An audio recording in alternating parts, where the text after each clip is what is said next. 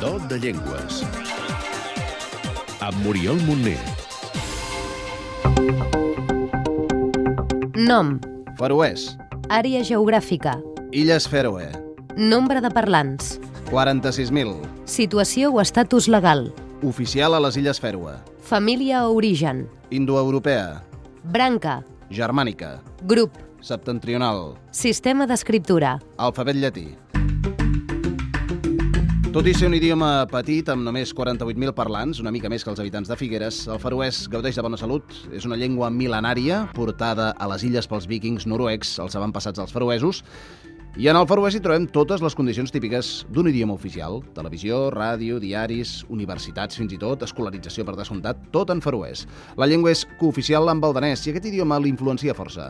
Randy Meitil és filòloga faroesa. tenemos eh, influencias de otros, eh, otras lenguas, sobre todo del danés, eh, como somos parte de, mm, del, eh, del reino danés, pero yo estoy optimista que va, va a eh, sobrevivir. De fet, es pot viure a les Illes Fèroe parlant només danès, tot i que el faroès hi té més força. El faroès s'assembla força al veí islandès. Els habitants de les illes estan molt orgullosos de la seva llengua i en tenen molta cura. És, per cert, una de les llengües nòrdiques amb declinacions, com el mateix islandès. En faroès hi ha quatre casos, nominatiu, genitiu, datiu i acusatiu.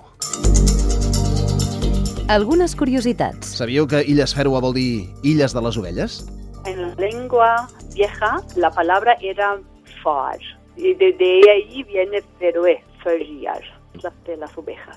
Doncs a les Illes de les Ovelles sembla que els espanyols no hi han deixat gaire bon record. Pero ser español es una expresión vieja que significa alguien que no te saluda o que quizás es un poco mal educado si no te saluda, prepotente. Segurament té a veure amb el fet que els mariners espanyols que fa segles hi feien escala no van entendre mai com una salutació el que sí que ho era, i per això no la tornaven.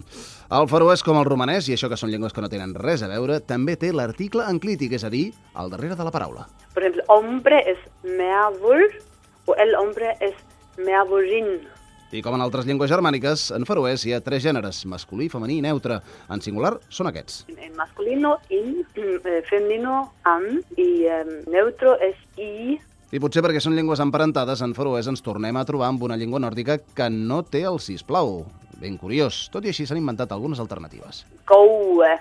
es como de- es querido, me puedes alcanzar el par. Vinalia podemos decir también amablemente. El faroès, a més, té alguns símbols propis a l'alfabet, com la lletra ED, que s'escriu com si fos una D minúscula amb una creu al bastonet. La coneixem? es como la H en español que no se pronuncia, pero a veces es una eh, se pronuncia como G, a veces como V, El faroès té sons únics a les llengües nòrdiques, per exemple, aquests. mucho, tucho, es de yo, yo, no está en las otras lenguas nórdicas. Luego tenemos también negv, kigv.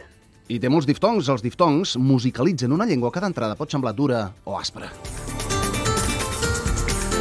Quatre pinzellades de la llengua. Sapiguem com es diu faroès en faroès?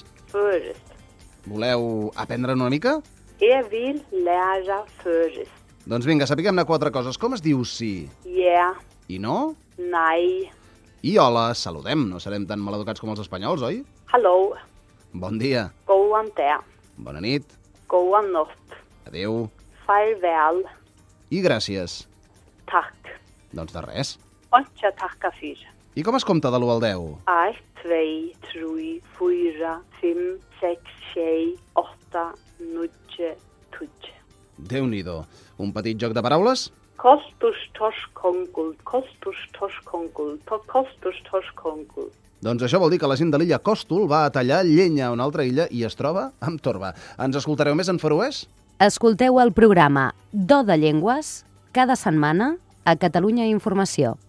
Lurste kvarja vike etter sendingene Målgavan ui Catalunya Information. Per saber-ne més. Trobareu més informació sobre el faroès i les llengües del món als webs linguamont.cat, etnolog.com, gela.cat o linguislis.org.